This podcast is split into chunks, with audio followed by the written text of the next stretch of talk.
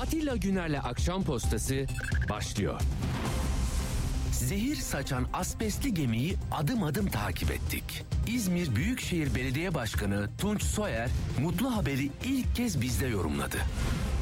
Çifte bayram yaşıyoruz şu anda. Çok mutluyuz. İzmir tek yumruk oldu ve Evet. İzmir'in tüm dinamikleri çok büyük bir hassasiyetle sahip çıktılar bu meseleye. Olması gereken buydu. Bu haber hemen yeni ulaştı galiba size de değil mi? Bize Yani daha beş geldiği dakika gibi. olmadı. 5 dakika olmadı Harika. öyle diyeyim size. Harika.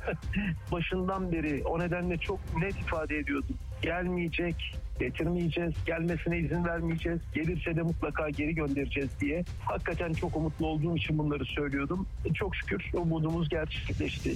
Bu o hareket olmasaydı, bu ses yükselmeseydi emin olun bu gemi oraya gelirdi. Yani rıza gösterilseydi itiraz edecek halimiz yok. Bravo. Hiçbir şeyi başaramıyoruz diye bir çok yılgınlık olsaydı o gemi orada olurdu Ali Ağa'da. Bravo. Tam da böyle gerçekten. Haberi, hayatı ve hakikati paylaşıyoruz. Atilla Güner'le Akşam Postası hafta içi her gün saat 17'de Radyo Sputnik'te. Merhabalar efendim hoş geldiniz akşam postasına. Bugün 24 Şubat Cuma günü ve biz yine çok fazla notla karşınızdayız. Ama bu notlar hani gördüğünü söyleyerek düzelmesini isteyenlere karşı söylenen bir söz değil. Yani not dediğin zaten hocalar da bize verdiğinde durumumuzu anlatır. Eksikliklerimizi söyler. 10 alırsanız iyidir. 4 alırsanız idare edersiniz de 4,5-5 derler falan ya. 2'ye de zayıf diyorsunuz. İşte şimdi biz de notlarımız onları anlatıyor. Bu memleketin görünümünü anlamaya çalışıyoruz. Laflar ortada. Yapılanlar ortada. Cenazelerimiz ortada. Topraklarda yani dozerlerin, iş makinelerinin kazarak e, defnettiği 43.556 bin kişi bu tespit edilen insanlarımız ve buradan 99'daki hadise sonrası düzeleceğini za- zannettiğimiz eski Türkiye diyerek kenarda bıraktığımız o tecrübeleri, deneyimleri, eksiklikleri yüzleşmeden 2023'e geldik. Kimse hep söylüyorum ya bu 5 rakamlı sayının nasıl bir ilişkiler ağının sonucu olduğunu söylemiyor. Yerkürenin gördüğü en büyük deprem gibi akla, bilime sığmayacak laflarla ne yapılabilir ki? Ölmek zaten makul bir şey. Herkesin kaçamadığı bir şey. E böyle yerden de kaçamazdık. Öyle değil. Onu biliyoruz. Ve bilmemizin sakıncalı olduğunu düşündükleri için de bazı yerlerde sınırlar, barikatlar oluyor. Ama halk zaten kendi kendine yardım yapıyor. Bağışlar olurken hani bir merkez bankası sizin paranız olsa bile hani 30 milyar o veriyor. 3-5 milyar falan. Siz 330 milyon toplayabildiniz işte. Çünkü gerçekten şey e, dişinizden tırnağınızdan arttırarak yapmıştınız. Şimdi de durum şu. Buradan seçime giden bir ülkede böyle bir tabloyu acayip bir dönüşüme uğratıp bir başarının sıçrama tahtası yapabilir miyiz? Bazı karargahlarda bu konuşuluyor belli ki siyasi karargahlarda. Yani ne olur?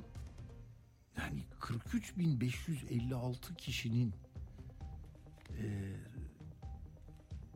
24 yıl önceki bir depremden sonra alınmayan önlemler nedeniyle kaybettiğimiz canlar olduğunu söyleyen var mı Allah aşkına ya? Bir yetkili şunu dedi mi? Bu e, vefat sayısı, can kayıplarının böyle olmasını biz de istemezdik. Ama maalesef çünkü deyip iki nokta üst üste ve o not bunlar işte. Bir, kurduğumuzu zannettiğimiz bütün kademeler, filtreler, o denetleme, düzenleme sistemi çalışmamış. Çalışsaydı o ayakta duran binanın yaşına bakmaksızın neden ayakta durduğunu, hemen yanı başındakinin niye yok olduğunu ve orada yüzlerce kişinin niye öldüğünün bir müsebbibi olacağına varacak çünkü. Akıl böyle yürütülecek. Yani bunun için ayrıca siyaset falan okumaya gerek yok. Muhafaza etmeye de gerek yok bir şeyleri. Yani koruma içgüdüsüyle hareket edeceğiniz tek şey insan yaşamı. İnsanın çok değerli olduğu. Hani insanı yaşat ki diye çok şeyler duyuyorduk. Yaradandan ötürü seviyoruz. Tamam da yani o binalar nasıl binalarmış?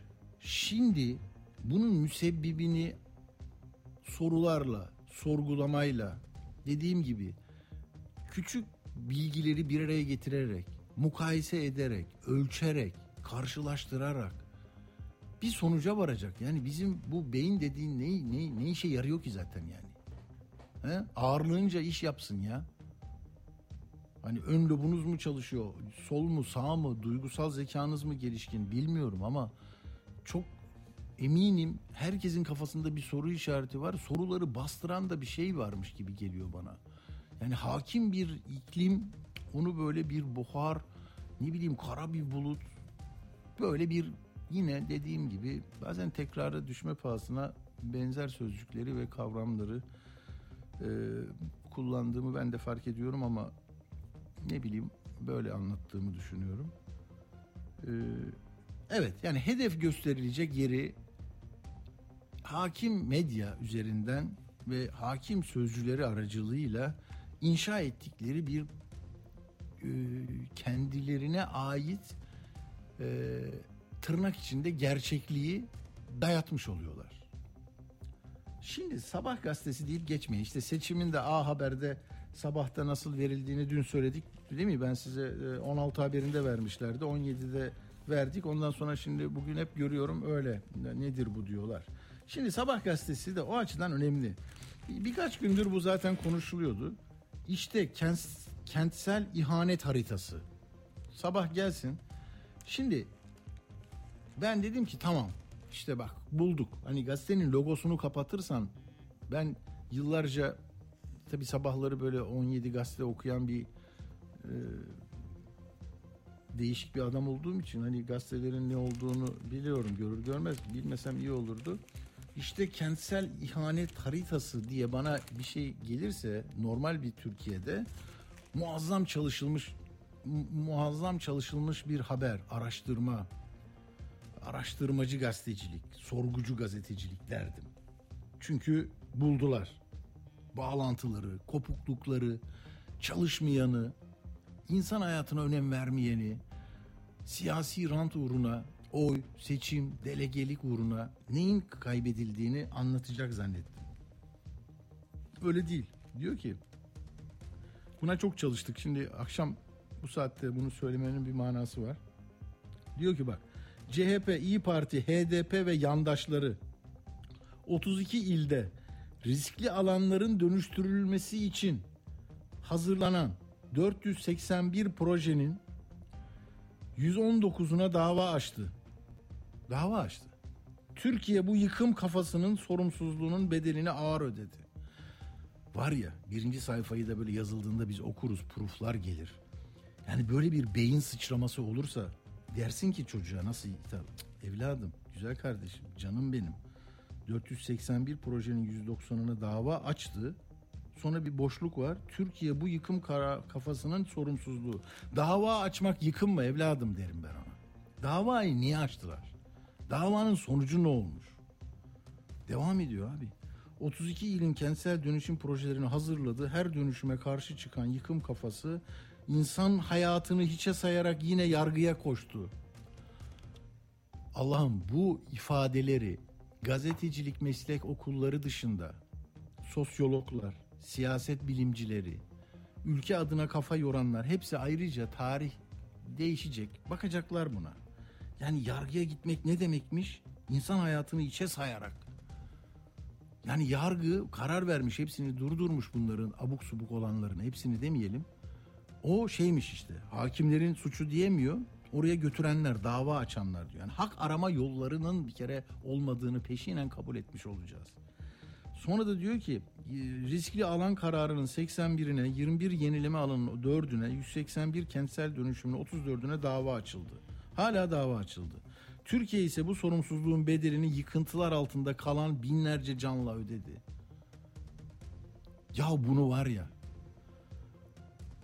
bunu önüne getiren gazeteci sıfatlı arkadaşa derim ki ben bak seni çağırıyorlar muhasebeden. E, kartını da bırak yarın turnikeler çalışmayacak senin için. Çünkü halkına karşı bu kadar kör, bu kadar acımasız, bu kadar bir siyasi menfaat uğruna meseleleri eğip bükme hakkını vermiyor. Yani bedel ödediler, cezaevlerinde bedel ödediler, kurşunlandılar, hakları ellerinden alındı. Gazeteciler tarih boyunca bir halkı için, vatandaşı için, ülkesi için gerçeği ararken sen bunları nereden çıkardın diye çıldırırsınız. Tamam mı? Gelelim şimdi bunun ne olduğuna.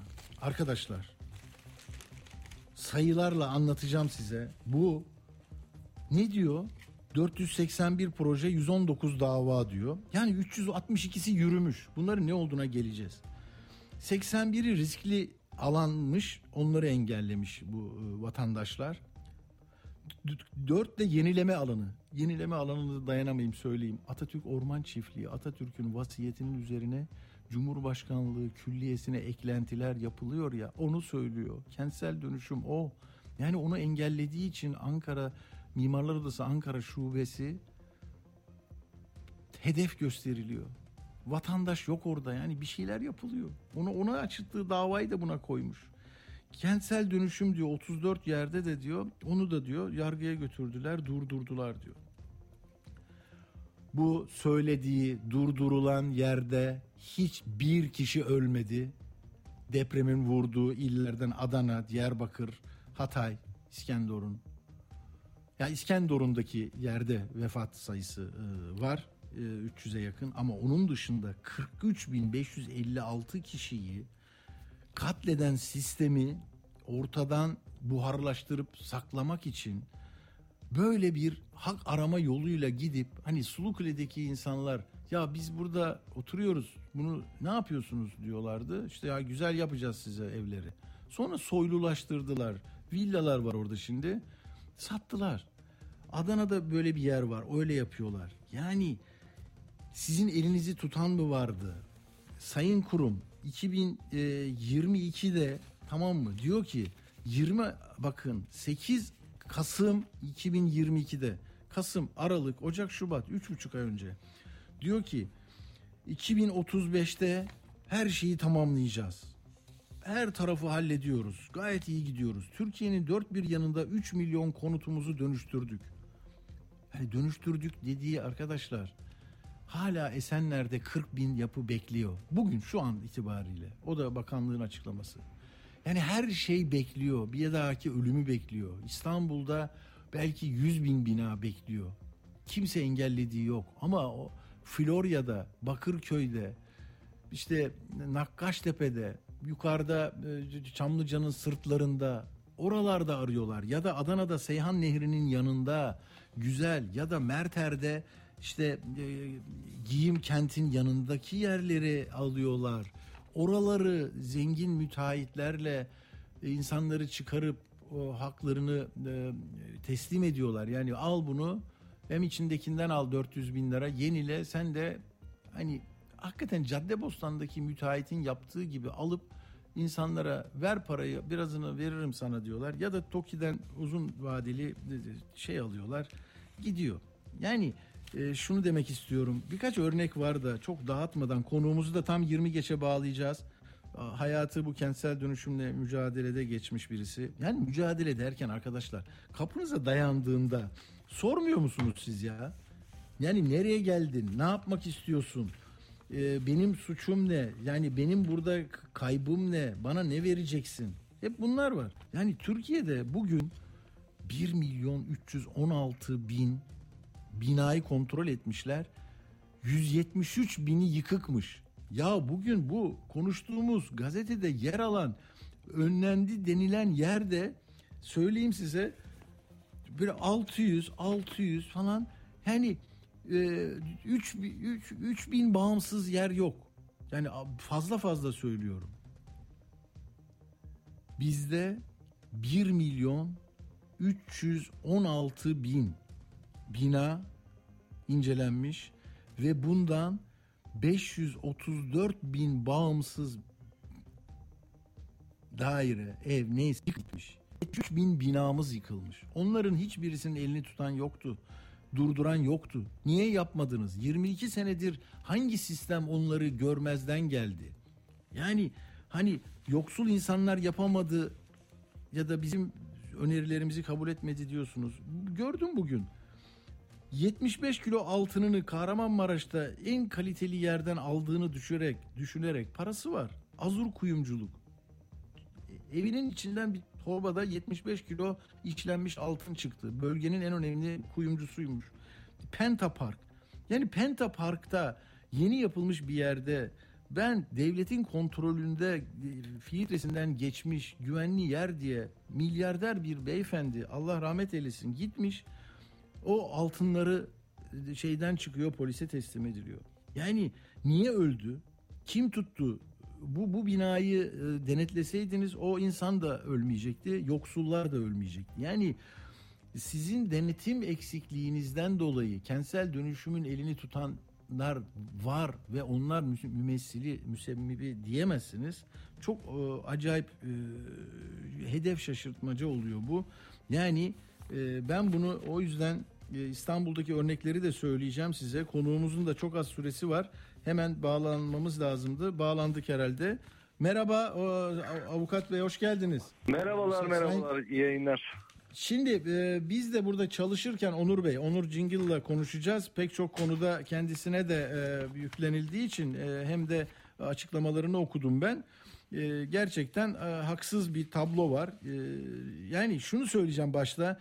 Adana'da baktık engellendi engellenmedi dedikleri Yüreğir Köprülü'de 645 bina var 1200 daire tamam mı? Ama kupon arazi yani Seyhan, Seyhan Nehri'nin yanında mesela buna şikayet etmişler itiraz etmişler. Koza'da ye, ye, Çesi ben, benim kulağıma geliyor açmayın lütfen.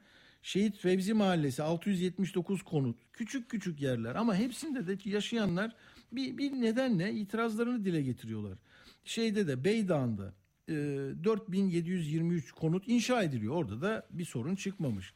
İstanbul'da da böyle e, somut örneklerimiz var. Ne diyorsunuz Onur Bey? Yani gerçekten bugün hani Sabah gazetesi iktidarın da e, seçimi bunun üzerine oturtacağını varsayıyoruz.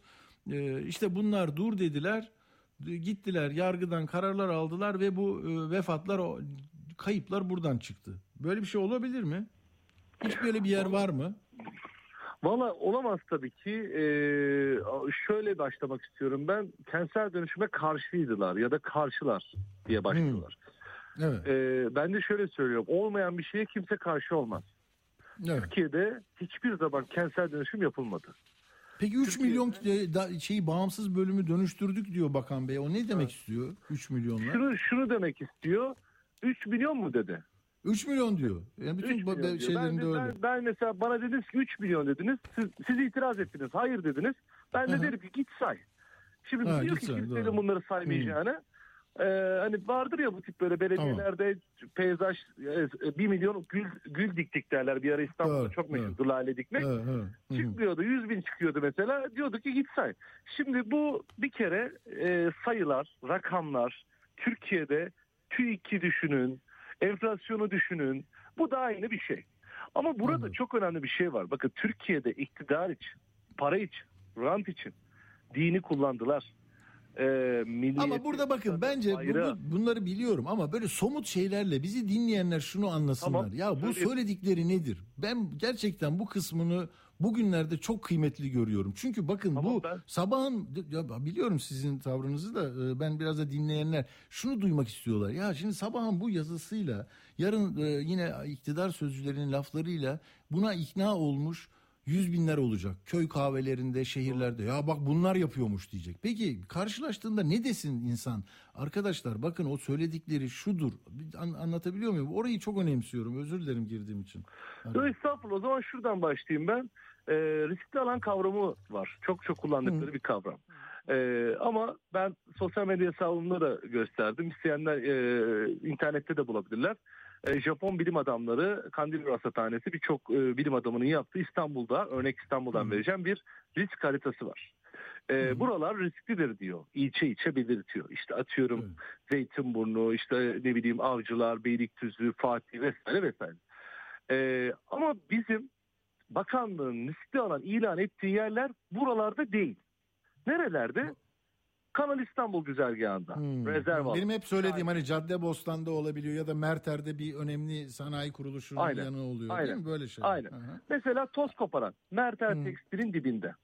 Mesela e, Ok Meydanı Fethiyetepe. Eski belediye başkanının evet. Fransa Kan şehrinde e, Haliç Port, Galata Port ve Ok Meydanı projesini beraber düşünün deyip uluslararası e, şirketlere pazarlama yaptığı mahalle. E, Elmalı Kent Ümraniye, Hekimbaşı, Elmalı Kent Şile Otoyolu'nun yanında, alışveriş merkezinin dibinde metro güzergahında, Hekimbaşı, Hekimbaşı Ormanı'nın yanında e, bu şeyler çok fazla, çok fazla bu örnekleri de arttırabilirim. Bir de şey Daha var Valide Çeşme mesela var. bir de yeşillere de yeşillere de şey veriyorlar izin veriyorlar buraya da girin yapın. Şimdi tabii bizi de bize dediğiniz gibi bize böyle bir saldırılar falan oldu ama ben şunu söyledim. E, Valide Bakkurusu'nun avukatlığını yaparken Hı. Oraya saldırdıklarında orayı koruyan avukat bendim. Evet. E, Kandilli Mahallesi'nde Kandilli Mahallesi'nde bizi izleyenler dinleyenler çok iyi bilir. E, AKP'li milletvekili adayına vakıfların e, aylık birkaç bin liraya peşkeş çektiği deprem toplanma alanına karşı avukatlık yapan da biziz. Ya da İstanbul'da benim bildiğim kadarıyla 496 tane deprem toplanma alanı imara açıldı. Ee, ve buralarla ilgili park, bahçe, yeşil alan, boş alan yani buralar hem deprem toplanma olarak kullanılacak yerler ya da kamusal araziler yani e, rezerv alan olarak ilan edilecek ve riskli alan olan yerlerin taşınabileceği yerler. Mesela hmm. bugün Antakya'nın Defne'nin taşınacağı konuşuluyor. Boş alanı var ne hala. Ama İstanbul'da neyi nereye taşıyacağımızı bunu ciddi hmm. anlamda konuşmamız lazım. Toz koparan hmm. üzerinden bir örnek vereyim. Orası çok speküle edildiği için söylüyorum. Evet. Toz koparan Güngören ilçesinin 11 mahallesinin riski risk olarak 9. sıradaki mahallesi. Ya. Yani ilk 8 mahalle riskli alan ilan edilmiyor. Hı 9. mahalle. Niye? E5 e, yanında metro metrobüs güzergahında Mertel Tekstil'in dibinde. Ve burada yapılan planlarda plan notlarında şunu yazıyorlar Atilla Bey. Diyorlar ki hı hı. teras bahçeler yapılacak buraya. Yani buraya Fikirtepe'deki rezidanslar yapılacak belli ki. Sosyal konut sosyal konut yapılacak mı bilmiyoruz. Hı hı. Orada Merter Tekstil'e özgülenecek dükkan alanları mı olacak? Bunların projeleri kim yapıyor? Kime ait? İşte ransal dönüşümü eğer köy kahvesindeki Ahmet amcaya ben de köyden okuyarak gelmiş Bursa Yenişehir'in gencim. Ee, çok doğru söylüyorsunuz. Ahmet amcaya Ayşe teyzeye şunu söylemek lazım. Burada gerçekten riskli alanları riskli ilan etmeyerek başlıyorlar. Devamında da devamında da sosyal konut değil de oturamayacağı yani örnek veriyorum Sulu Kule'de villa, Fikirtepe'de rezidans ya, ya. gibi. Ve Soylulaştırma devam... diyoruz ya ona değil mi? Soylulaştırma, Soylulaştırma başkalarının oluyor. Bana bir tane kentsel dönüşüm projesinde o halkın orada oturduğunu kimse söyleyemezler. Bir tek biz Üsküdar Kiraztepe'de büyük bir mücadele sonucunda belediye başkanından ıslak imzayla taahhüt alarak 50 metre mesafede evimi vereceksin dedik. Ve ya. şu an oturmaya başladılar. Ama o zaman... Sö- buyurun. Buyurun. Ben ben araya şu Sayın Bakan'ın e, iki konuşmasını e, yakın tarihte yaptığı konuşmayı aktaracağım da bu pekiştirmek için diyor ki bakın Tabii. Esenler Esenler'de de sorunlu bir alan değil mi? Yani yapılaşma Tabii. orada da güçlü değil, binalar zayıf. Diyor Doğru. ki şu ana kadar 98 e, bin konuttan 57 binini dönüştürdük. Ne zaman söylüyor bunu biliyor musunuz? 3 ay önce. Diyor ki bakın şimdi bunların geri kalanların ilk etapta dönüşmesi gereken 16 bini var. Günü saati nasıl olacağını söyledik diyor. Üçüncü büyük adım da geriye kalan 40 bin. Bunları başarmakta en önemli payımız toplumsal aklın inşası. Yani düşünsene ya Esenler'de Şu anda 56 bin bekleyen var 3 ay önce. Ve onlar herhalde fenaket olacak. İnşallah diyor 2035 yılına geldiğimizde Türkiye'nin deprem riski olan bölgelerinde kentsel dönüşüme girmemiş hiçbir bina kalmayacak. Şimdi bunlardan sonra bir de ortada 45 bin 43 bin 556 canımızdan bir parça gitmiş ee, ve burada da yargı yoluna hak arama yollarına başvurarak gidenleri suçlamanın nasıl e, kabul göreceğine ben inanamıyorum yani. Ben somut bilgiler vermeye çalışıyorum. Tabii, Sizin de buyurun. programda ya dolayısıyla aslında yorum yapılacak çok konu var. Bir tane soru sorayım. Çok fazla yorum yapmayayım ben. Ee, kentsel dönüşümde bakanlığın en fazla çalıştığı e, noktalarda yani e, riskli alan ilan edeyim, aman rezerv alan ilan edeyim, buralarla şey yapayım yerler İstanbul'dur. Ama mesela baktığımızda e, Hatay'ın bir ovaya kurulu olduğunu, Amik Ovası'na e, ne kadar yanlış olduğunu, Maraş'ın bir ovaya kurulu olduğunu ya da e, zeminin ve binanın ne kadar önemli bir faktör olduğunu ve burada iktidarın da e, 2002'den bu yana 21 yıldır bu noktada e, yaptığını yapmadığını düşündüğümüzde şunu ortaya koymak lazım. E, rentable kelimesi gerçekten onlar için çok önemli. Çünkü ben çok bakanlık toplantılarına katıldım. Hmm. Hep bana Hmm. söyledikleri şey şu. Müteahhit payı e, ma- şey kal e, yetmiyor. İşte metrekaresi 10 bin TL, metrekaresi 15 bin TL. E, işte metrekareler konuşuluyor. 90 metrekare verir, %70'ini verir, %30'u. Hiç insan konuşulmadı bu şeylerde, konularda. Yani hiçbir zaman mesela bakanın açıklaması ne kadar ironik. 2035'te biz burayı Esenleri halledeceğiz diyor değil mi? Yani deprem bakanı mı bekliyor? Bakanı mı bekleyecek? Tabii. Kim 2035'in tutuyor? Ya da Onur, Onur Bey mi tuttu? Hani durdurdu orada. Bir şeyler yapıyordunuz da. Değil mi? Siz, sizin, Mesela Esenler'den hiç haberim yoktu mesela. Ee, ondan sonra kim ne yapmış ne yapmamış onu bilmiyorum ama ben benim haberim o- olan yerleri e, tek tek söylerim. Bir tanesinde sözleşme yok insanlara Hmm. sunulan. Bir Hmm. tanesinde şuraya çıkın e, size adil bir kira vereyim diye yok. 1950 lira kira veriyor. Bugün İstanbul'da kiralar 10 bin TL. E, ayrıca e, kanunda çok ciddi ana kamu ihale kanunu gibi her çıkan dikenli tele her çıkan taşı yoldan kaldırmak için yeni madde değişikliği yapılıyor. Mesela hazineye tapular devrediliyor. Ondan sonra e, yönetmelik değişikliğiyle elektrik, su, doğalgazını kesiyor insanları. İnanılmaz bir bakanlığa karşı bir güvensizlik var. Yani o, Tokat köyündeki görüntüleri gördük. E, orası da bu arada çok kaymak bir yer yani hani ormanın içerisinde bir yer bilenler bilir. E, siz eğer ki Kanal İstanbul güzergahındaki yerleri açabilmek için Şahin Tepe'yi rezerv alanı ilan edip Şahin Tepelileri bir gecede tapusunu 8-10 kilometre ilerideki ormanlık alana tapularını kaydırırsanız size kimse güvenmez. Evet. Dolayısıyla da kentsel dönüşüm değil yapmadığınız ortaya çıkar. Buradaki rant alanlar ortaya çıkar. Ee, ve bundan dolayı da davalar açıldı da şöyleydi de böyleydi. Vallahi kimse kusura bakmasın avcılar orada duruyor. Beylikdüzü orada duruyor. Hmm. Zeminin nasıl olduğu belli. Yani ne kadar büyük tesadüf ki hep AKP'li belediyelerin ilçelerinde mi riskli alanlar var? Hmm. Hep rezerv alanlar bu belediyelerin olduğu yere mi denk geliyor yoksa Cumhurbaşkanı, bakan ve kendi partisinden belediye başkanı olursa işler daha mı hızlı ilerliyor? İşlerken Evet. buradaki dönüşüm işinden bahsetmiyorum. Dolayısıyla bizi izleyen e, herkese sesleniyorum. Türkiye'nin bir kere bu kısır tartışmaları da bırakması lazım. Hmm. Her şeyden öte sorulduğu için söylüyoruz. Türkiye'nin hızlı bir şekilde doğru bir dönüşümü tarifleyip hızlı bir şekilde yarından itibaren bütün odaklarıyla yapması lazım bu iş. Ha yapamıyorlar, e, mugalata yapıyorlarsa, laf üretiyorlarsa da kimse kusura bakmasın 45 bin canımız gitti. E, bu ülkenin daha fazla önünde durmasınlar. Yapan birisi gelsin. Çekilsinler. Anladım. Peki zamanınız da sınırlı Onur Bey. Onun için çok teşekkür ediyorum. Yani şunu net olarak söyleyebilir insanlar. Bu bu tür e, şeyler olacak demek ki unsurlar katacaklar seçimde. Yani bir e, neden kentsel dönüşüme karşı çıksınlar? Çünkü bu insan hayatını ödeten bedeli çok ağır bunun. Çünkü Doğru. sizin bugünkü yayında diyor ki Sabah gazetesi e, şey oldu. Yani hakikaten cinayetlerin sorumlusu oluyorsunuz. Türkiye bu sorumsuzluğun bedelini şeyi- yıkıntılar Tabii. altında kalan binlerce canla ödedi diyor ya. Yani Tabii. sizin itiraz ettiğiniz alanlarda ölen var mı? Ben baktım Yok. hiçbirinde yok. Yok çok şükür yok ama e, bu bakanlığın elinde kan var. Eğer ağır konuşacaksak bunu söyleyebiliriz. Yok. Çünkü e, şöyle e, şöyle ki Naci Görür hocamız yıllardır uyarırken hiç kimse bir şey yapmadı.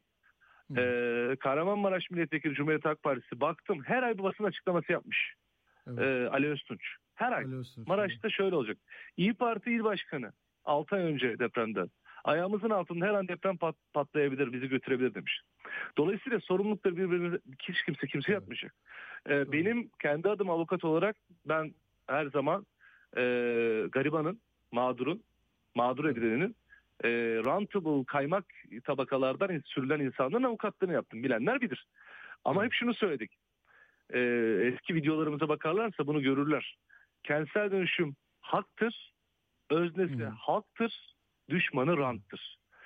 E, bu e, düsturla her zaman gidiyoruz. Adil, hakkaniyetli, hakça bölüşümlü, hukuki sözleşmeli ve rantın ötelendiği olacaksa da halkın düşünüldüğü ama her şeyden öte öznenin insan amacın da depreme dayanıklı ev yapıldığı öznenin müteahhit amacın rant olmadığı kentsel dönüşüm işte o dönüşümdür. Ona karşı gelen de böyle bir dönüşüme karşı gelen zaten lanetlidir. O kadar söylüyorum. Doğru.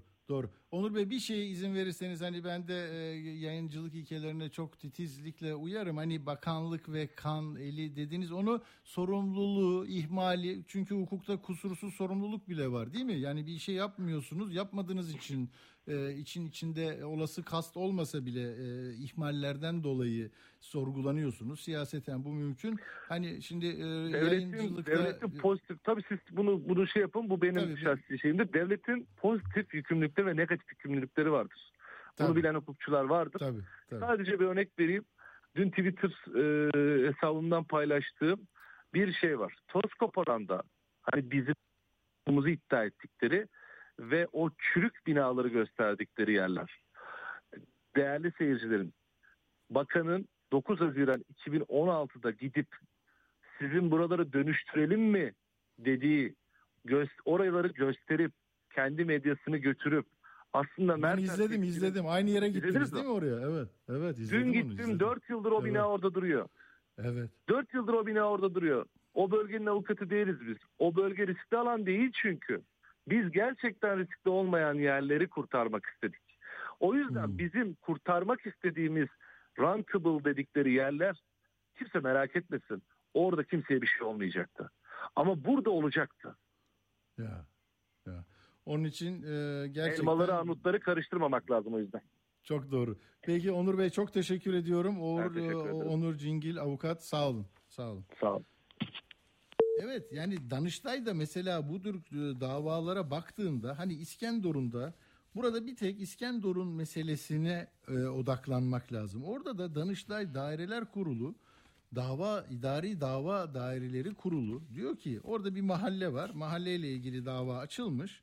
Hani bunlara niçin e, bu kadar özen gösterdiğimi anlatmaya çalışıyorum. Hani siz köprüye de karşısınız Yok işte Avrasya'ya da her şeye bak dönüşüm olacaktı ona da karşısınız. Bu siyasetin kullanacağı bir şey.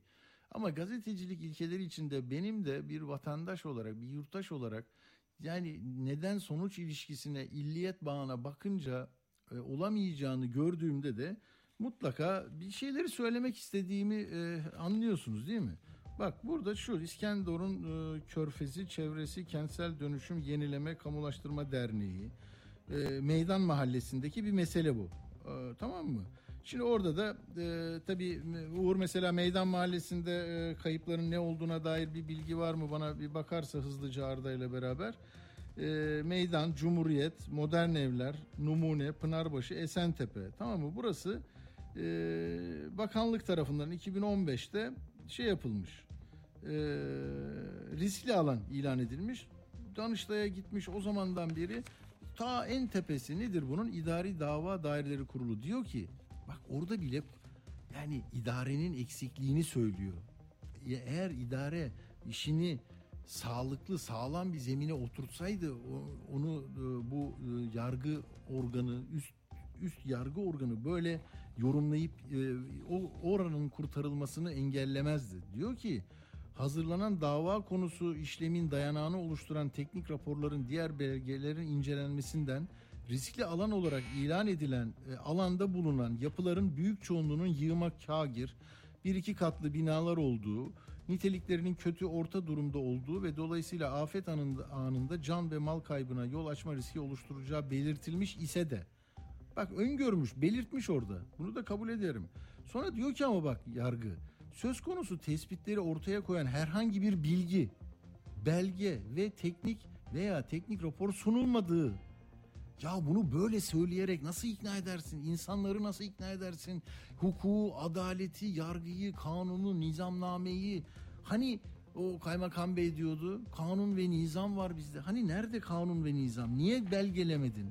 Bunu koskoca kaç üyeli bakın ya. 3, 6, 9, 12, 15 üyeli Danıştay İdari Dava Daireleri Kurulu diyor. Buradan da ders alın diye bunu uzatıyorum arkadaşlar. İskenderun'da da yargı kararıyla riskli alandan çıkarılmış, itiraz etmişler. Ama neden itiraz edeni mi suçlayacağız şimdi? Yargı diyor ki ya bunun içine bir belge koysana bak. Söz konusu tespitleri ortaya koyan herhangi bilgi, belge veya teknik rapor sunulmadığı gibi bina bazında veya aynı sınıfta bulunan binaları temsil edebilecek sayıdaki binada bilimsel verilere dayanan tespit ve inceleme yapılmaksızın gözleme dayalı olarak yapılan incelemeler dikkate alınarak dava konusu alanda bu işlemi yapmak istemişsiniz diyor. Ee, burada bulunan binaların tamamının teknik açıdan yetersiz olduğundan afet riski taşıdığı kabul edilmek suretiyle sonuca ulaşılamaz diyor. Hatay ilinde yaşandığı belirtilen depremler nedeniyle yapıların etkilenip etkilenmediği. Bak yargı diyor ki sen bunları yazacaktın diyor oraya. Daha önce meydana gelen su taşkını afetine yer verilmiş ise de bu alanın sürekli şekilde su, su taşkını afetine maruz kalabileceği ve bunun sonucunda can mal kaybı olabilir diye de bir şey yok bunda diyor. E, detaylı zemin etütü verisi ve buna bağlı olarak su taşkını konusunda yeterli veri yok. De, e, diyor ki yukarıda belirtilen bilimsel veriler içeren herhangi bir teknik incelemenin yapılmadığı Ey gazetecilik, ey idarecilik, yerel yönetim, anlayış, kavramlar, cumhuriyet, 100. yıl. Ne tesis ettik, nasıl geldik, ne oluyoruz? Uçuşuyor kafamda. Ya 15 kişi Danıştay'da 2018'de diyor bunu ya. Herhangi bir teknik inceleme olmadan niye riskliye alan diyorsun diyor. Dedi, dediği o. Beni ikna et, vatandaşını ikna et. Dolayısıyla işlemin dayanağı teknik raporun yapılan yapıların can mal kaybına yol açma riski taşıdığını kanıtlayacak nitelikte olmadığı hususları dikkate alındı diyor.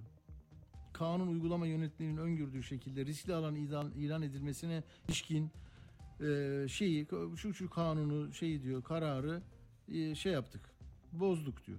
Bozmadım diyor. Onadım diyor. Yani verdiği mahkemenin verdiği daha önceki e, müşterek kurulun Danıştay 14. 6. daireleri falan. Yani çok hukuki mi bilmiyorum ama bakın bir şeyi sorularla eşelediğinizde az önce kaç dakikadır bunu konuşuyoruz ya.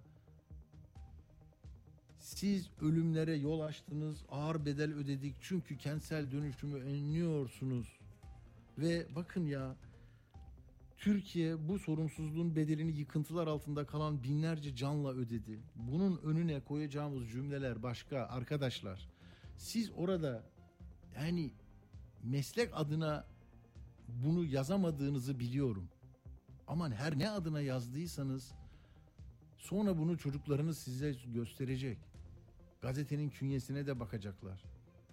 Ya sen nasıl böyle yaptın? Orada bir şey yok. Şimdi Uğur'a söyledim e, o mahalleleri taradı orada vefat da yok diye. Hani ben çünkü Danıştay kararını sonradan edindim. Önceden uyaramadım arkadaşlarım ama diyor ki İskenderun'da bu sözünü ettiğin olayla ilgili de bir can kaybı yok ilk belirlemelerime göre diyor. Ya neyi konuşuyoruz ya? Senin o zaman şu lafını ne yapacağız biz ya? He? Şu lafını Sayın Bakan'ın bu lafını ne diyeceğiz biz ya? Bak biz ne yaptık diyor. Bak. Bak deme Atilla bakınız. Bakar mısınız? Affedersiniz rica etsem. Bakın diyor ki e, Türkiye'nin dört bir yanında 3 milyon konutumuzu dönüştürdük. 8 Kasım 2022 Esenler'de bir toplantı Davutpaşa kampüsünde kentsel dönüşüm sempozyumu. Erdoğan'ın 94'te İstanbul'da başlattığı sosyal konut uygulamalarıyla bak nereye bağladı işi. 99 depreminin ardından 2002 yılında Türkiye sattığında yaygınlaştırılan yapı denetimleri çöktü. Deprem yönetmeliğinin değişmesi çöktü. Güvenli, sağlıklı afet konutu projeleri. Evet. Yani parası olana sosyal konutlar zaten yaptıkları 1 milyon küsürün e, sadece %10'u 15'i e, TOKİ'nin yaptıkları 1 milyon 180 bin konut yaptı. Orada hep orta ve üst sınıflar oturuyor. Deprem yönetmeninin değişmesi, güvenli sağlıklı konut projeleri, TOKİ eliyle yapılan sosyal konut hamlelerinin en önemli adımları oluşturduğunu hatırlatan kurum, seferberlik anlayışıyla devam ediyoruz. 20 yılda dönüştürdüğümüz riskli yapılar ve alanlar, ürettiğimiz konutlar deprem sistemiyle, yapı denetim sistemiyle ülkemizde güvenli yaşam alanları sağlamak için epey yol kat ettik. Gördün? Epey yol kat ettik nokta ve hatırlamaktan bile üzüntü duyduğumuz 43.556 ve yerle bir olan 534 bin bağımsız yer. 534 bin hane. Yani 4 kişi olsa 2 milyon. 2 milyon insanın başına e, yıkıldı o evler. Bu sistem bu mu? Ama buymuş. Peki şimdi öğretmenimiz var. Hemen bir öğretmenimizi bağlayın bana. Mithat öğretmeni. Bir ara verelim. Küçücük bir ara verelim. Devam edeceğiz. Türkiye'nin büyük acısı. Sessiz olun. Sessiz olun. Enkaz altındayız. Kaşımız kanıyor. Arkadaşımızın birinden ses yok. Enkazdan 3 kişi canlı çıkarılacaktı. O anda bir gürültü koptu. Bize 100 metre yukarı fırlattılar. Böyle inanılmaz bir gürültü insanlar üstümüzden geçti. Yani Maalesef burada kötü bir e, manzara söz konusu. Dolayısıyla e, ölü sayısı da ve yaralı sayısı da e, artmış oldu. Ulusal felaketi dakika dakika yayınlara taşıyoruz. İskender bitmiş durumda ya. Böyle mi söylüyorsun ya? Hakikaten mi? Olağanüstü bir durum. Bu ilkitilmiş bir deprem. Bu tabiri ilk defa kullanıyorum daha Türkiye'de. Ee, İngilizce'de bilinen bir tabir bu. Induced Earthquakes diye geçen bir deprem. Atilla Güner'le Akşam Postası hafta içi her gün saat 17'de Radyo Sputnik'te. Evet şimdi de iki gündür hakikaten zorluk oldu. Ulaşamadık Mithat öğretmenime. Hatay Kırıkan'dan. Merhaba hocam hoş geldiniz. merhabalar. Evet. Şimdi Nasılsınız? Talebiniz nedir? Türkiye'ye ne söylersiniz? Kırıkan'da tablo ne? Ben Kırıkan'dan e, geçtim. Orada bir de e, sol taraftaki birkaç köye de gitmiştim geldiğimde. E, Kırıkan'a girdiğimde bayağı kötüydü e, tablo. Nasıl bugün itibariyle durum? E, Teşekkür ederim. Biz e, depremin ikinci günü e, Kırkan'ı terk ettik. Hatta'ya köye geldim. Hı hı, Yani Kırkan'da zaten hiç kimse kalmadı. Çoğu kalmadı. Türkiye'nin değişik yerlerine gitti. Yani tanıdığım ne kadar arkadaş varsa Hı hı. İzmir, Konya, Manisa duyuyorum gitmişler ailece. Ee, sağ olsunlar e, halkımıza kucak açmış, misafir ediyorlar. Ne güzel. Gerçekten bu konuda halkımıza ne desek azdır. Yani halk olarak sınavı geçti. Çünkü biz ben bakıyorum aynı şeyi biz yaşasaydık böyle koşar mıydık? Yani böyle Olur olur o günde ne yapacağımızı kimse kestiremez. ama- Peki ama şöyle neredesiniz siz şimdi şey hocam? olmaz. Siz ben neredesiniz? hastadayım, hastadayım, köydeyim. Hassa. Köyde. Peki Kırıkhan'da kimse kalmadı derken orada çadırlar kuruldu mu? En son neyi gördünüz? Neye tanıklık ediyorsunuz? Yani bir faydası olsun bu görüşmenin. Bir de, yani bir kamu görevlisi, yöneticisi dinler, vatandaşımız e, yardım elini uzatır. Ne, ne tarif edin bize tabloyu. Yani şu anda e, ben bir haftadır oraya gitmiyorum. Benim evim de vardı orada bir küçük bir Tamam. bakkal dükkanı da vardı. Hmm. Ama e, şu anda benim komşular orada çadırda kalıyorlar. E, evlere gidemiyorlar zaten. Binaların Çadırları var mı? Ye- Yiyecekleri var mı? Yiyecek yiyecek var mı her şeyleri? Yani şu an ben e, Kırkan'ı bilmiyorum. Tabii takip Ama- edemediniz. Doğru. Yani Kırkan'ı Onlara takip- bak. ama hasta, hasta tarafından e, özellikle ilk, ikinci, üçüncü günden sonra çok sayıda yardım geldi. Yani özellikle gıda olsun, giyim olsun. Ama bu yardımların düzeninde çok büyük sıkıntı var. Yani bakıyorsun birileri çok alıyor, birileri hiç eline bile geçmiyor. Bu dağıtımda çok büyük sıkıntı var. Koordinasyonsuzluk nedeniyle Evet. oluyor? Kesinlikle. Mesela Anladım. çadır bakıyorsun. Mesela biz 5 ay 6 aileyiz. Yani bizde daha bir çadır gelmedi. Geçen Nereye gelmedi? Siz bulunduğunuz yere mi? aşağı tarafa köyüne. Yani bizim Hmm. bizim aile olarak mesela bir çadır alamadık daha ama bakıyorsun diğerlerinde herkese birer çadır var. İlk günden itibaren çadır olanlar var. Yani Hmm. müthiş bir koordinasyonluk var. Tamam biz buradan uyaralım. Sizin de bulunduğunuz yeri de söyleyin. Belki oraya da e, özel bir e, çaba harcayabilirler. Eksik olan bir şey varsa. E, ailemle buraya e, annem babamın yanına geldim. Bunların da evleri biraz sıkıntılı. iki katlı olduğu için ama kardeşlerim evleri var. E, bir de amcam çadır kurmuş orada kalıyoruz. Yani burada prefabrik geçici evler olsa süper olur. Mesela yani köylerde Anladım. bizim bulunduğumuz köyde çok sıkıntı yok ama hasta şehir merkezinde çok büyük sıkıntı var. Çadırlar kurulmuş, yer yer çadırlar kurulmuş ama e, yemekler çıkıyor. Yani bazı kuruluşlar düzenli üç öğün yemek verdiklerini haber alıyorum. Evet evet. Yani Peki. e, Hocam şimdi ben başka yerlere de bağlanacağım. Ee, sizin hani anladığım kadarıyla çok böyle büyük krize yol açacak bir tablo yok orada. Ee, şeyden de Kırıkhan'dan da şu anda bilgi e, son bilgiler değil. Çok teşekkür ediyorum katıldığınız için e, Mithat hocama. E, Hatay'a, Kırıkhan'a, Hassa'ya selamlarımızı iletin. Çok teşekkür ediyorum hocam. Sağ olun. güzel. Sağ olun. Sağ Sağ olun.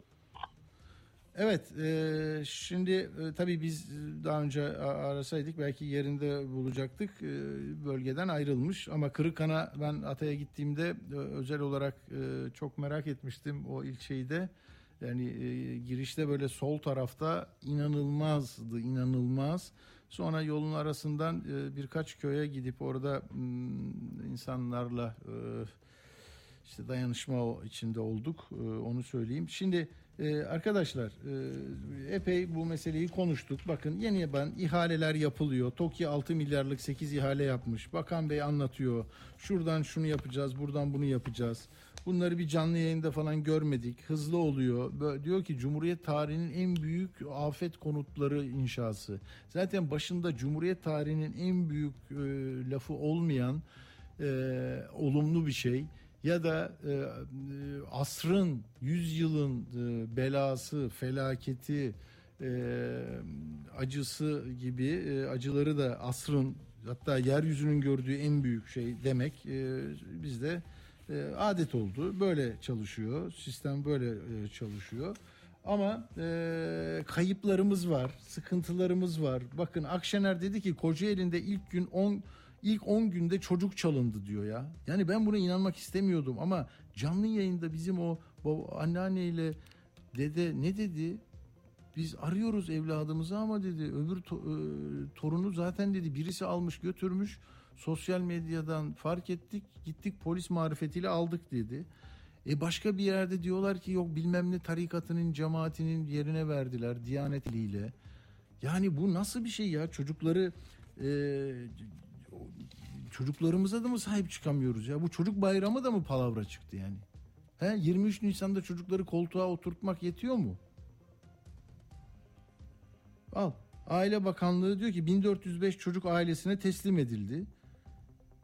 Ee, kimliği henüz tespit edilemeyen 106 çocuğumuz bulunmaktadır. Hatta bu tarikat mes- meselesini söylenince Beykoz civarında o sol parti ona şikayet de etti. Diyorlar ki ya buraya değil 8 çocuğu getirdiler gördük biz deniyor. O diğer de diyor ki hayır Diyanet bize verdi emaneten falan filan. Yani hani böyle anlamadım ki ben bunu çocukların ailelerini bulmak ve bunları televizyona çıkartmak lazım. Yani şu çocuk kimin çocuğu? Komşu görür bilmem ne görür. Alıp bir yere kapatıp ona ne yapıyor bilmiyorum ki. Yok orada bilmem ne işte iki, iki tane e, onları rahatlatmak için bir şeyler yapılıyor. Kontrol kimde bilmem. Ama Akşener'in söylediği enteresan. E, diyor ki yani ben bunu okurken e, yüzüm kızarıyor. E, Kocaeli'nde ilk 10 günde çocuk çalındı ve biz bunu fark etmedik. 3 çeşit çalınıyor. O yaş e, sıfır yaş bebekler batılı ailelere 50-70 bin dolara satılıyor. Aman ya Rabbi bunu söyleyen Akşener. Geleceğin başbakanıyım diyor. Sonra bunların bir kısmı organ için çalınır. Bir kısmı da 10-11 yaş cinsellik için çalınır. Aman ya Rabbim. Bu depremde ilk seslendiğim şey çocuktu. Aile ölüyor, çocuk sağ kalıyor. Neyse sonra Akşener bu Fox'ta söyledi bu sabahleyin.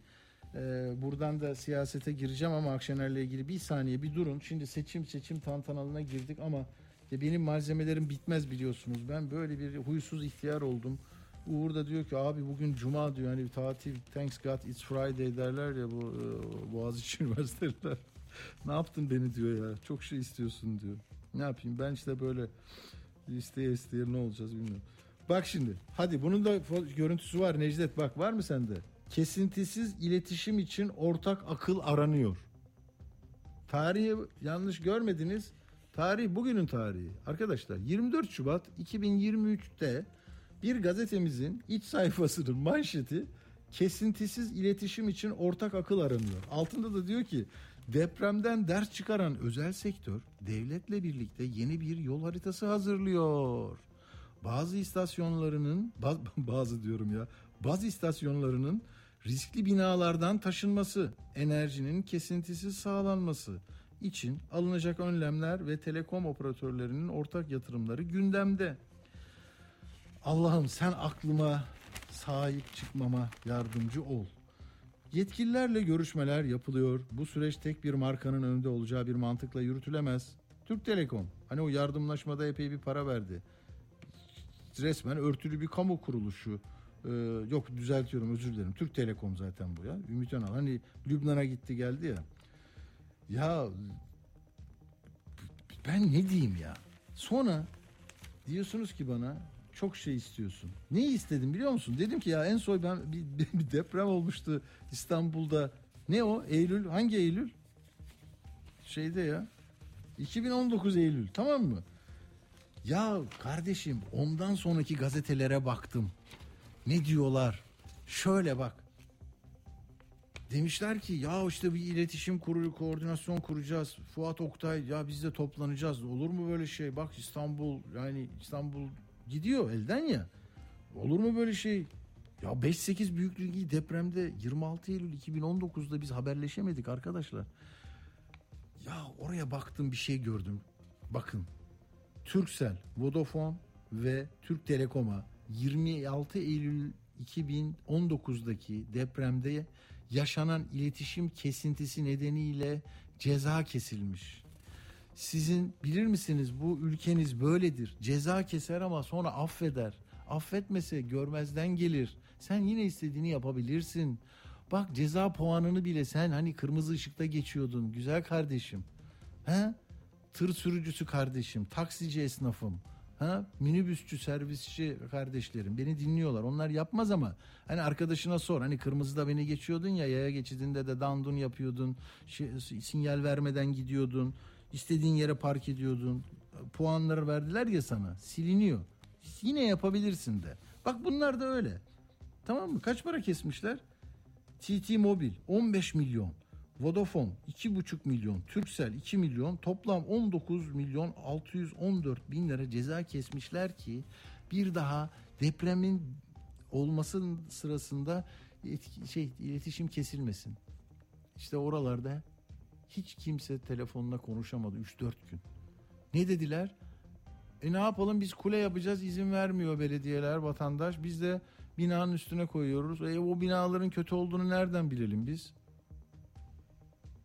Sen var ya sen o paraları yazmayı biliyorsun ya. Yani Ege kıyısından yürürken Yunanistan'a dolaşıma girdin diye para almayı biliyorsun ya kardeşim. O zaman ne yazılar yazılmış? Ayıptır ya. Bak depremden sonra konuştuğumuz her şey palavra. Uğur bugün şeye de çalıştı. Uğur tabii bugün darmadağın oldu ya.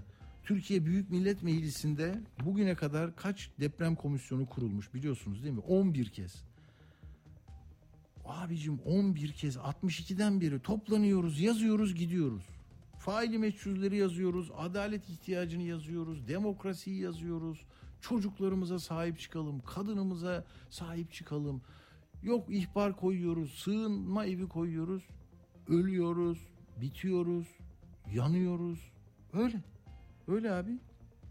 Bak 3 Kasım 2020'de en son İzmir Elazığ depreminden sonra kurulmuş bilgi raporları var. 500 sayfalık komisyon, 1916 sayfa tutanak tutulmuş. Herkes dinlenmiş, görüşmeler yapılmış.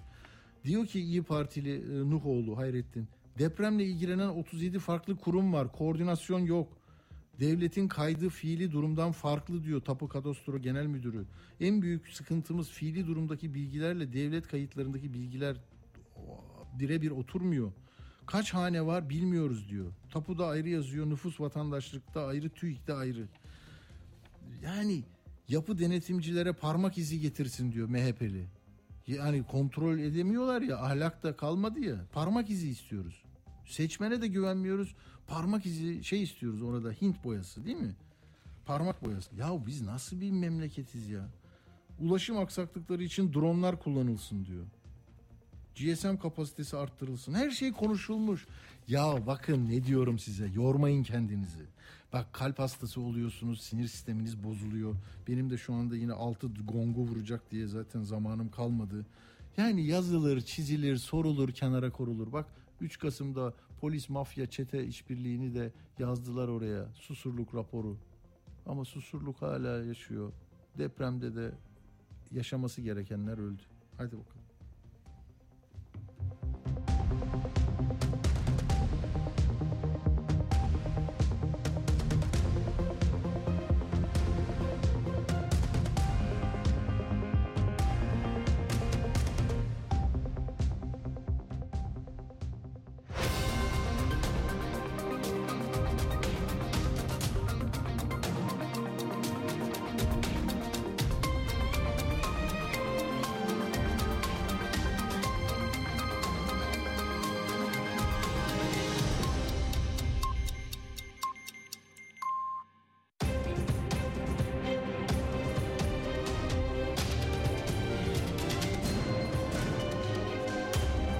Radyo Sputnik. Anlatılmayanları anlatıyoruz. Radyo haberciliğinde bir klasik. Sorulmayanı soran, haberin peşini bırakmayan tarzıyla bir marka. Atilla Güner'le Akşam Postası, gündeme damga vuran konu ve konuklarla hafta içi her akşam 17'de Radyo Sputnik'te. Atilla Güner'le Akşam Postası devam ediyor. Evet işin insani kısımları çok önemli arkadaşlar. Bir de kayıplar meselesi var. Bizde de hani anlattık onu. Arıyor. Yakınını arayanlar var. Onlar nerede buluşturuyor sistem onları bilmiyorum. Ee, ama e, bunu da gazetede gördüm bugün. Ee, Hiranur'u beyaz otomobil götürdü. Hiranur tüm savaş. Adıyaman Arzum kent sitesinde yaşıyordu. Depremle yıkıldı. Anne ve iki kardeşini dördüncü günü ise babasının cansız bedenine ulaşıldı. Hiranur'a ulaşılamadı. Sonra teyzesi diyor ki 12 yaşında 7. sınıfa gidiyor. Annesi babası çıktı ama ona ulaşamadık. Gönüllü olarak çalışan biri sağ olarak çıktığını gördüğünü söylüyor. Yara da görmediklerini söylüyor. Başka bilgi yok diyor. Şimdi mesela Hiranur ya Akşener'in söyledikleriyle bunu yan yana koyunca bak çok kötü oluyorum ha. Bunlar böyle içeride tek sütun olacak haberler mi? Ne oluyor? Kim gidiyor oraya ya? Yani yağmalamaya kim gidiyor? Güvenlik kol kolluk kuvveti ben 5. gün gittim orada yoktu ve hala yağmalar yapılıyordu. Vatandaş belki önlerse önlüyordu yani. Mimar Batuhan 18 gündür kayıp İskenderun'da yalnız yaşıyor 24 yaşında. Diyorlar ki depremden 20 dakika sonra gittim baktım telefon sinyali de var. Her yere soruyoruz. Yani her kalktı diyor enkaz ama yok bizim kardeşimiz orada diyor. Mustafa Batuhan Güleç mimar o da yok. Şimdi bunları niye söylüyorum daha duyarlı olmak için herhalde. Bir de ya şu hani magazin e, ekidir ya ben bugün böyle gazete benim için bu mesele değil. Ben bu gazetenin yazı işleri müdürlüğünü de yaptım. Biliyor musunuz? 2000 yılında. Konuşuyoruz ama ben çünkü burada gazetecilik yapılan bir döneme ilişkin anılarım var. Şimdi diyor ki bak bize malzeme değil sevgi lazım diyor. Günaydın'ın e, manşeti. Yaralar sarılıyor, ümitler yeşeriyor. Şimdi buna bakarsanız siz malzeme yollamayacaksınız kimseye değil mi? Şöyle çünkü altı şöyle. Depremin vurduğu Elbistan'da her şey kontrol altında. Abi yazana baksana ya her şey kontrol altında. Yardım malzemesi vermeye çalıştığımız bir vatandaş. Burada acil ihtiyaçlar için para ödemeye gerek yok. Devletimiz her şeyi karşılıyor. Bizim acımızı paylaşacak, sohbet edecek dostlara ihtiyacımız var dedi. Emniyet güçleri 24 saat nöbette. Yani böyle resmi laflar hani hakikaten inanılmaz yani 1930'lar gibi hani milli şef dönemi eleştirilirdi ya o onlar neyse şimdi o olmaya başladı. İnşallah geçicidir bu gördüğüm rüyalar. Efendim şimdi diyor ki seçim hadi bakalım bu halde seçime gideceksiniz tamam mı? Seçim zamanı da 14 Mayıs dendi. Ama Selçuk Özdağ'a göre Gelecek Partili diyor ki bir bir oyun var bu işin içinde diyor. Sarayın karanlık dehlizlerinde kendi ifadesi bir oyun planlanıyor. Top YSK'nın önüne gelecek. Ee, YSK yani onlar 14 Mayıs diyecek ama YSK diyecek ya teknik bazı sorunlar var diye zaman kazandıracak ona diyor. Bu Ali Cengiz oyunlarına milletçe bıktık diyor. Allah'ım ya Rabbim. Yani böyle olduk tamam mı? Akşener e, de geleceğim. Şimdi bunu da bak Uğur'un hani bugün e, pert olmasına yol açan şey bu. E, bir de dedim ki kaç milletvekili var? Nasıl olacak bu 11 ilde? 11 ilde 96 milletvekili var. Depremin etkisini gö- gösterdiği yerlerde arkadaşlar. E, 60 e, milletvekili Cumhur'un 19'u milletin CHP'nin 16'sı var. Ya da parti söyleyeyim ya. AK Parti'nin 51 milletvekili var bu ilde, illerde. 11 ilde. C, ikinci kim biliyor musunuz? HDP Diyarbakır'da içinde çünkü 17. Sonra CHP geliyor 16. Sonra MHP 9, İyi Parti 3. Tabii oy oranları da işte Maraş'ta mesela AK Parti'nin 8'den 6'sını almış 58.4 oyu var. Malatya'da 6 milletvekili var 4'ünü alıyor. 53.8 oyu var.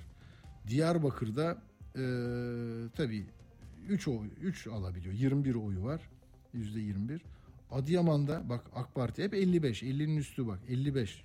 5'in 4 milletvekilini alıyor. Adana 15 milletvekili var. 5'ini alıyor. Üçte biri. Ee, şimdi Gaziantep 14'ün 8'ini alıyor. 51. Bak hiç düşmüyor. Bir tek Hatay'da 36'ya düşüyor. 5 vekil alıyor. 11'den 5'ini alıyor. Şanlıurfa'da 52.6. 14 vekilin 8'i onda. Kilis 2 vekil var. ikisi de onda. 50. Osmaniye e, MHP e, 31, Erdoğan 36. işte ikisi 67 oluyor. Elazığ 5 milletvekili var. Dördü Erdoğan partisinde 54.5. Durum böyle. Yani buralardan kaçanlar 2 milyonu bulmuşlar. Yeni bir gelecek arıyorlar. Kötüler, e, sıkıntılılar ama gittikleri yerde e, adreslerini alırlarsa orada oy verecekler. Kalanlar yine aynı milletvekilini bölüştürecekler. Yani azalan nüfusa rağmen başka yere gitmelerine rağmen milletvekili sayıları değişmeyecek. Aynı e, oransallığı koruyacaklar e, diye e, düşünülüyor. Peki çadır beklentisi var. E, çadırla ilgili herkes gidiyor, dilekçeler veriyor. Öyle görüntüler gördüm. Ama dilekçede soruyorlar. E, evinizde sakat birisi var mı, engelli var mı, şehit var mı, gazi var mı? işte hasta var mı, çocuk var mı ona göre bir şey yapıyorlar. Çadırlar onun için gecikiyormuş. Durum böyle. Ee, başka da ha seçimi söyleyecektim. Ben burada bir, bir ne olur çok az zamanımız kalmış. Şimdi seçim tamam. Cumhurbaşkanı adayı tartışmalarında Akşener'in söylediği bir laf var. Bakın defteri kapatmamış. Şurasında 2 Mart'a az bir şey kaldı. Diyor ki Kılıçdaroğlu adayın ortak belirleneceğini kendi ilan etti. Herkes bizi söylüyor ama Sayın Bülent Kışoğlu'nun Hande Fırat'a verdiği bir beyanat vardı. Bak ne kadar oldu? 2-3 ay oldu. Masanın Sayın Kılıçdaroğlu'nun adaylığı için kurulmuş olduğunu betimleyen ve onun adaylığı olmadığı takdirde masanın dağılacağını söyleyen bir şeydi bu. Tekzip görmedi diyor. Çok önemli, çok önemli. Sayın Kuşçuoğlu biliriz ki Kılıçdaroğlu'na çok yakın insandır. Bu kabul gören bir durum ise ben de diyorum ki biz de altılı masanın liderleri olarak bizim o masaya otururken ki bilgimiz nedir? Gücümüzü birleştirip 13. Cumhurbaşkanını seçtireceğiz. Dolayısıyla o zaman rol icabı kurulmuş bir masa olur ki bu o bir noter görevi gören bir masa. Benim bilgimin içinde bu masa noter görevi görmeyecek. Bize söylenen o değil. Dolayısıyla buradaki çelişki kısmı bize ait değil. Bak diyor e, bizim arkadaşlarımız fikirlerini söylemekte özgürdürler. E işte yani Bülent Bey de öyle dedi. Peki ama diyor ki ama bazen çarpıtılıyor. Cihan Paçacı ağabey dediğim bir isim. Kılıçdaroğlu'nun okul arkadaşı bir beyanat verdi. Yanlış anlaşılmaya müsait diyor. Neyse görevinden istifa etti diyor. Hala diyor ki Kuşçuoğlu'nun söyledikleri duruyor. Peki o da mı diyor e, bir şey görevden mi alsınlar? Kimseden bir şey beklemiyorum. Çok az kaldı. Burada ifade ettiğim şey şu. Parmakla iyi Parti'ye sallanıyor. Yanlış kısım bu. Valla şimdi bu deprem böyle oldu. Orada da birbirlerini böyle sıkıştıra sıkıştıra gidecekler. Siz ne yapıyorsunuz bilmiyorum. Ee, izleyeceğiz, göreceğiz. Arda'nın bir İstanbul deprem röportajı vardı. Uğur'u bugün zaten şey yapacağız. Ee, sarfi nazar edelim. Dinlensin. Uğur Perte çıktı bugün. Ee, son konukla bitiririz. Arda'nın İstanbul'da deprem olursa ne yapacağınız? Hazır mısınız? İyi misiniz? diye sorduğu bir bant var. Onu dinleyelim. Arkasından hemen konuğumuz Antakya Medeniyetler Korosu e, şefi Yılmaz Özfırat. 7 üyelerini kaybettiler. Artık notalarda acı var. Hadi. Önce Arda'ya gidelim. Arda soruyor, vatandaş anlatıyor. Merhabalar. Merhaba efendim. Depreme hazır mısınız? Nerede hazır abi? Hazırlık olur mu? Bütün bir her taraf karaba olur bu. Allah kimsenin başına vermesin. Bu vaziyet böyle görünüyor. Bir depreme belki bir milyon insan gider. Ya binayı sağlam görünüyor ama gene de insan korkmaz olur mu? Büyük bir depremde ne olacak kimse bilmez. Peki binanız güvenli mi değil mi diye İstanbul Büyükşehir Belediyesi'ne bir... E, Daha hani, kontrol falan gelmediler. Başvuru yaptınız mı? Yok. Yönetim var. Onlar başvurursa vurur yani. İBB'nin depremle ilgili gelip bakıyorlar mesela. Oraya bir başvuru yaptınız mı? Hayır yapmadım. Yapmayı düşünüyor ee, musunuz peki? Olabilir. Seçim öncesinde siyasilerden depremle ilgili neler yapmasını beklersiniz? Talebiniz nedir? Deprem olduğu zaman zaten benim ilk aklıma gelen bütün binaları yani tespiti için acil olarak onun olmasını düşünürüm yani. Olsa çok iyi olur. Merhabalar. Merhaba. Siz İstanbul'da yaşayan bir vatandaş olarak depreme hazır mısınız? Hayır.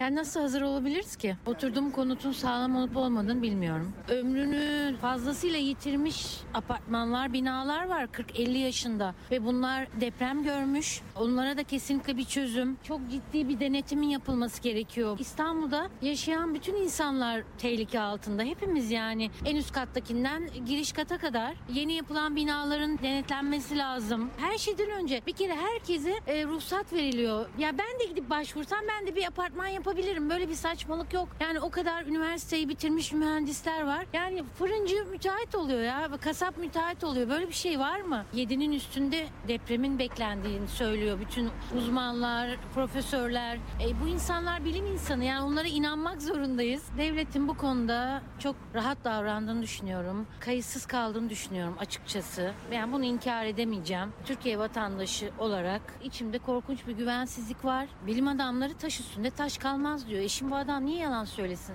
Ben ona inanmayacağım da kime inanacağım? Ben bilime inanan bir insanım. İnanan ve güvenen bir insanım. Japon bir profesör. Adam o kadar mantıklı konuşuyor ki. Diyor ki Türkler sadece dua ediyor diyor. Evet biz de Allah'a, Tanrı'ya dua ediyoruz diyor. Ama biz önlemimizi alıyoruz sonra da dua ediyoruz. Siz sadece dua ediyorsunuz diyor. Yani buna hem üzüldüm hem de çok utandım, güldüm. Ya biz ne haldeyiz ya? Yazık. Atilla Güner'le Akşam Postası devam ediyor.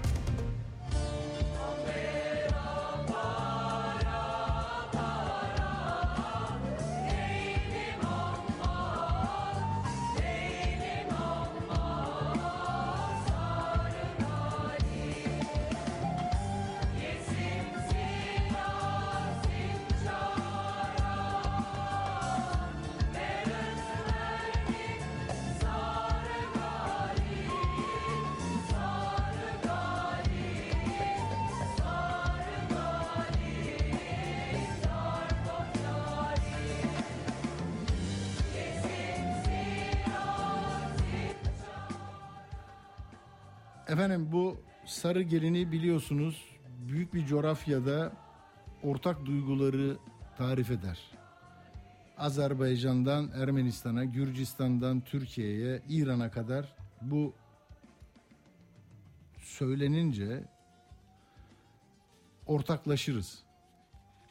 Yani düşmanlığı değil de aynı e, ezgilerle bir arada yaşamayı anlarız, hatırlarız, ağlarız. Bunu e, Antakya Medeniyetler Korosu'ndan dinledik şimdi. Çünkü Hatay büyük bir acı yaşıyor ve bu koro 2007'de kurulan bu koronun 7 mensubu maalesef depremde hayatını kaybetti. Yani onları da saygıyla anıyoruz. Ee, Allah rahmet eylesin. Yakınlarına sabır diliyoruz. Mehmet Özdemir, Gizem Dönmez, Hakan Samsunlu, Pınar Aksoy, Fatma Çevik, Müge Mimaroğlu ve Ahmet Fehmi Ayaz. Yani ortak e, çok kültürlü bir yapının, kadim medeniyetlerin gelip geçtiği, hala bütün izlerini de canlı yaşattığı bir yer, bir coğrafya, Hatay, Antakya ve orada böyle bir koromuz vardı. Hatta 2012 2012'de Nobel'e e, Nobel Barış Ödülü'ne bile aday gösterildi. Ödüller aldı. E, onların anısına bu acıyı da e, unutmadan şefleriyle konuşmak istedim ben. Yılmaz Özfırat, o da bir deprem mağduru. Hattımızda mı Yılmaz Bey?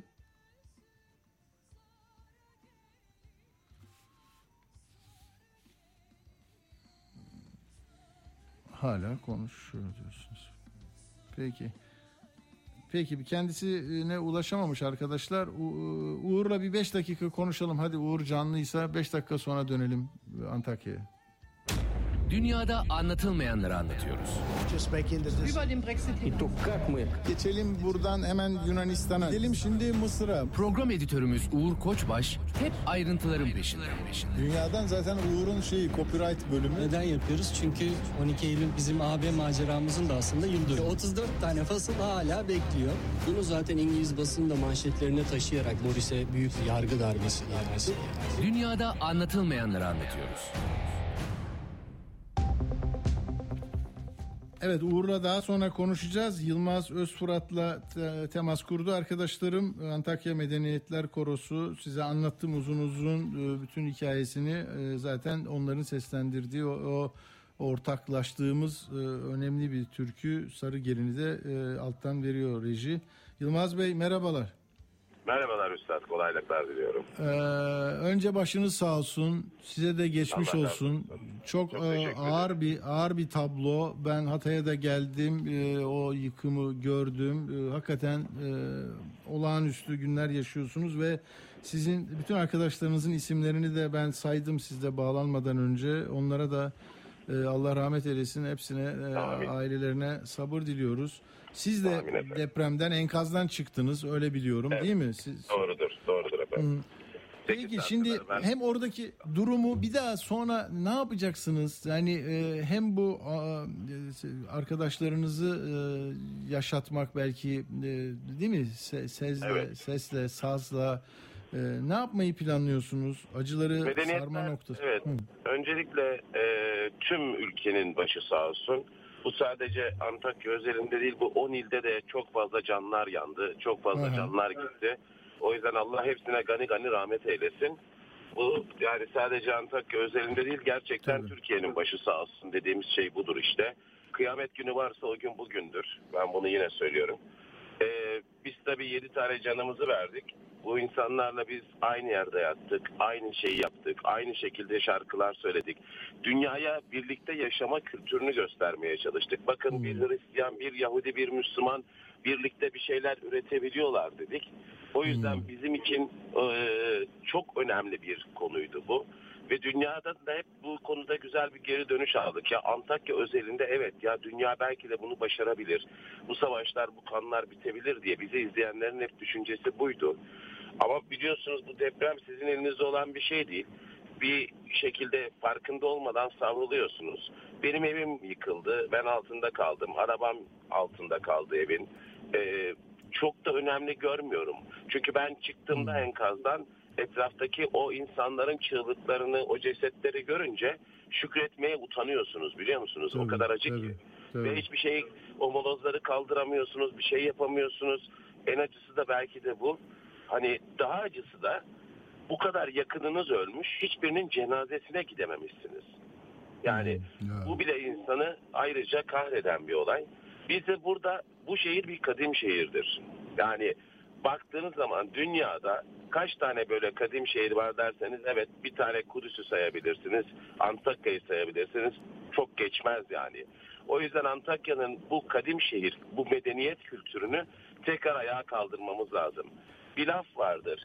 Şehir size adını verir. Nerelisiniz dediklerinde hmm. Hatay'dayım, Gaziantep'teyim, İstanbul'dayım dersiniz ama siz şehre ne verdiniz diye sorduklarında hiç kimse bir şey söyleyemez. İşte şimdi sıra bizde. Biz şehre tekrar adını vermek zorundayız.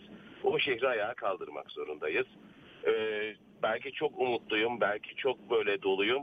O yüzden hep söylüyorum Medeniyetler Kurusu özelinde Antakya'yı tekrar kurup bu şehri ve Türkiye'yi tekrar inşa etmek zorundayız. Çok doğru. Destek görüyor musunuz? Belki konser verdiğiniz yerlerden de duyanlar, arayanlar ee, olur. Nasıl oluyor ben şu an, dayanışma? Ben depremden sonra bir yere gitmedim, kaldım. Hmm. Geçen günkü 6.4'lük depremden sonra kızım çok ısrar ettiği için hmm. il dışına çıktım ve İzmir'e geldim. İzmir'de İzmir Anadolu Kadınları bir koroları var onların. 50 tane iş hmm. kadını. Onlar çok ısrar ettiler buraya gelmem konusunda. Şimdi buraya geldim. Birkaç gün inşallah sallanmadan durabilirsem e, bir planlama yapıp tekrar konserlere başlayacağız. Hmm. Fakat Medeniyetler Korosu'nu o kadar çok seven insan varmış ki herkes arıyor ve tek söyledikleri bir şey var biliyor musunuz? E, nasıl yardımcı olabiliriz demiyorlar. İvan atın diyorlar. Tabii. Belki de bu işte sizin hayata sarılmanıza büyük sebep oluyor. Çünkü hepimiz bir yere savrulduk 200 kişi. Kimi Mersin'de, kimi İzmir'de, kimi İstanbul'da birbirimize sıkıca sarılıyoruz. Her gün WhatsApp grubumuzda mutlaka birbirimizden haberleşiyoruz. Ve en kısa sürede çünkü kostümlerimiz maalesef gitti, müzik aletlerimiz gitti, her şeyimiz gitti yani depremde yıkıldı çünkü. Ee, tekrar bunları yapıp bir an önce depremde zarar gören insanlar için konser vermek istiyoruz. Evet. Tabii orada da bir yardımlaşma olacak, dayanışma olacak. O da vesile olacak. Sizin özel olarak kendinizi konumlandırdığınız bir yardım kampanyası vesaire yok. var mı yoksa? Yok. Şu an inanın o kadar şey zor durumda insanlar var. Hani belki bunu söylemek biraz tuhaf olacak ama 19 gündür aynı kıyafeti giyiyorum. Ee, ama benden çok kötü durumda insanları gördükçe ben de bunun için herhangi bir şey talep etmeyi de çok etik bulmuyorum açıkçası. Ve bu arada şunu da söylemek isterim sizin vasıtanızda. Depremzedelere acımayın. Depremzedelere sahip çıkın. Çünkü onlar acınacak insan değiller. Bugün bana yarın size olabilecek bir şey bu. Bir gün önce trilyonersiniz, bir gün sonra hiçbir şeyiniz yok yani. Bu kadar basit bu hayat. O yüzden bir depremzede gördüğünüz zaman aa yazık falan hiç bunlara girmeyin. Tutun onun kolundan götürün bir yemek yedirin, bir gömlek alın, ne bileyim herhangi bir şey yapın. O depremzedeye sahip çıkın ki yarın sizin başınıza geldiğinde de o size sahip çıksın. Çok doğru. Tekrar e, o dostlarınız için başsağlığı diliyorum ve yeniden ayağa kalkma gücünüze, iradenize de saygı duyuyorum. Umarım yeniden sizleri dinleyeceğiz. Ben de programı bitirirken e, sizin İnşallah, parçanızla evet. bitireceğim. E, İnşallah. Çok teşekkür Görüşmek üzere. Sağ olun. Allah'a emanet olun. Sağ olun. Siz de sağ olun. Evet e, Uğur'a gidebiliriz hemen Uğur burada Uğur hadi bakalım e, sen e, ben yaşıyorum dedin gençliğini göstermek istiyorsun. Yıkılmadım tamam, sahne... ayaktayım ya. Tamam. Galatasaray da öyle diyor zaten. Neyse. Peki. Evet. Şimdi neyi anlatayım o zaman? Şu oksijende bugün güzel bir haber vardı. Onu anlatayım. E, çünkü bu müteahhitler çok tartışılıyor ya. Onlar güzel. Arda'nın röportajında da dedi ya bir hanımefendi değil mi? Evet. Ama müteahhit oradan, varmış. Oradan diyor. gireceğim zaten. Ee, şimdi hanımefendi dedi ki ben de bugün istesem bir inşaat dikebiliyorum. Böyle iş olur mu dedi. Hakikaten de öyleymiş. Yani durum 2019'da e, ilk düzenleme yapılmış müteahhitlere dair ama bir giriş kriteri belirleme kimsenin aklına gelmemiş. Nasıl? Yani siz gidip ticaret odasına kayıt yaptırırsanız şu anda 2000 metrekare inşaat yapabiliyorsunuz. Yani her isteyen yapabiliyor. Böyle bir durum söz konusu. Sadece müteahhitler arasında bir sınıflama var. A ve H arasında harfleri ayırmışlar sınıfları. H sınıfı olarak başlıyorsunuz. Yani 2000 metrekare yapabilen sınıfta oluyorsunuz. İş yaptıkça sınıfınız artıyor ve e, A sınıfı olduğunuz zaman da 150 milyon liralık iş yapabilir hale geliyorsunuz. Şimdi Türkiye'de 450 bin kişi müteahhitlik yapıyormuş. Avrupa Birliği'nde rakam 25 bin. Avrupa Birliği'nin toplamında rakam 25 bin. Türkiye'de 450 bin. Yani Türkiye'de doktor sayısı 170 bin bu arada. Onlar o karşılaştırmayı da yapmışlar. Hmm. Esen'de olmanın haberinden okuyorum. Ee, yani AB ülkelerinin toplamının 18 katı Türkiye'de müteahhit var. Ya bu inanılmaz bir rakam. Artı tabii hmm. Avrupa Birliği'nde müteahhit olmak isteyene hadi tamam sen inşaatı dik demiyorlar. Mutlaka 2 yıllık bir eğitim var, sertifika almak gerekli. E, hatta Almanya'da inşaatta kalfalık ya da ustalık yapmak için 10 bin euroya kadar ücret ödeyip 3,5 yıla varan eğitimi tamamlamak gerekiyormuş. Böyle bir durum söz konusu. Yani ya, müteahhitler ya. neden e, şey yapıyorlar, bu işe giriyorlar? E, neden e, bu bu kadar adam tutuklandı? Evet. Aslında e, tablosu bu. Reuters bugün bir haber yaptı. E, ekonomistlere sordular Türkiye'de depremlerin maliyeti ne kadar olur diye.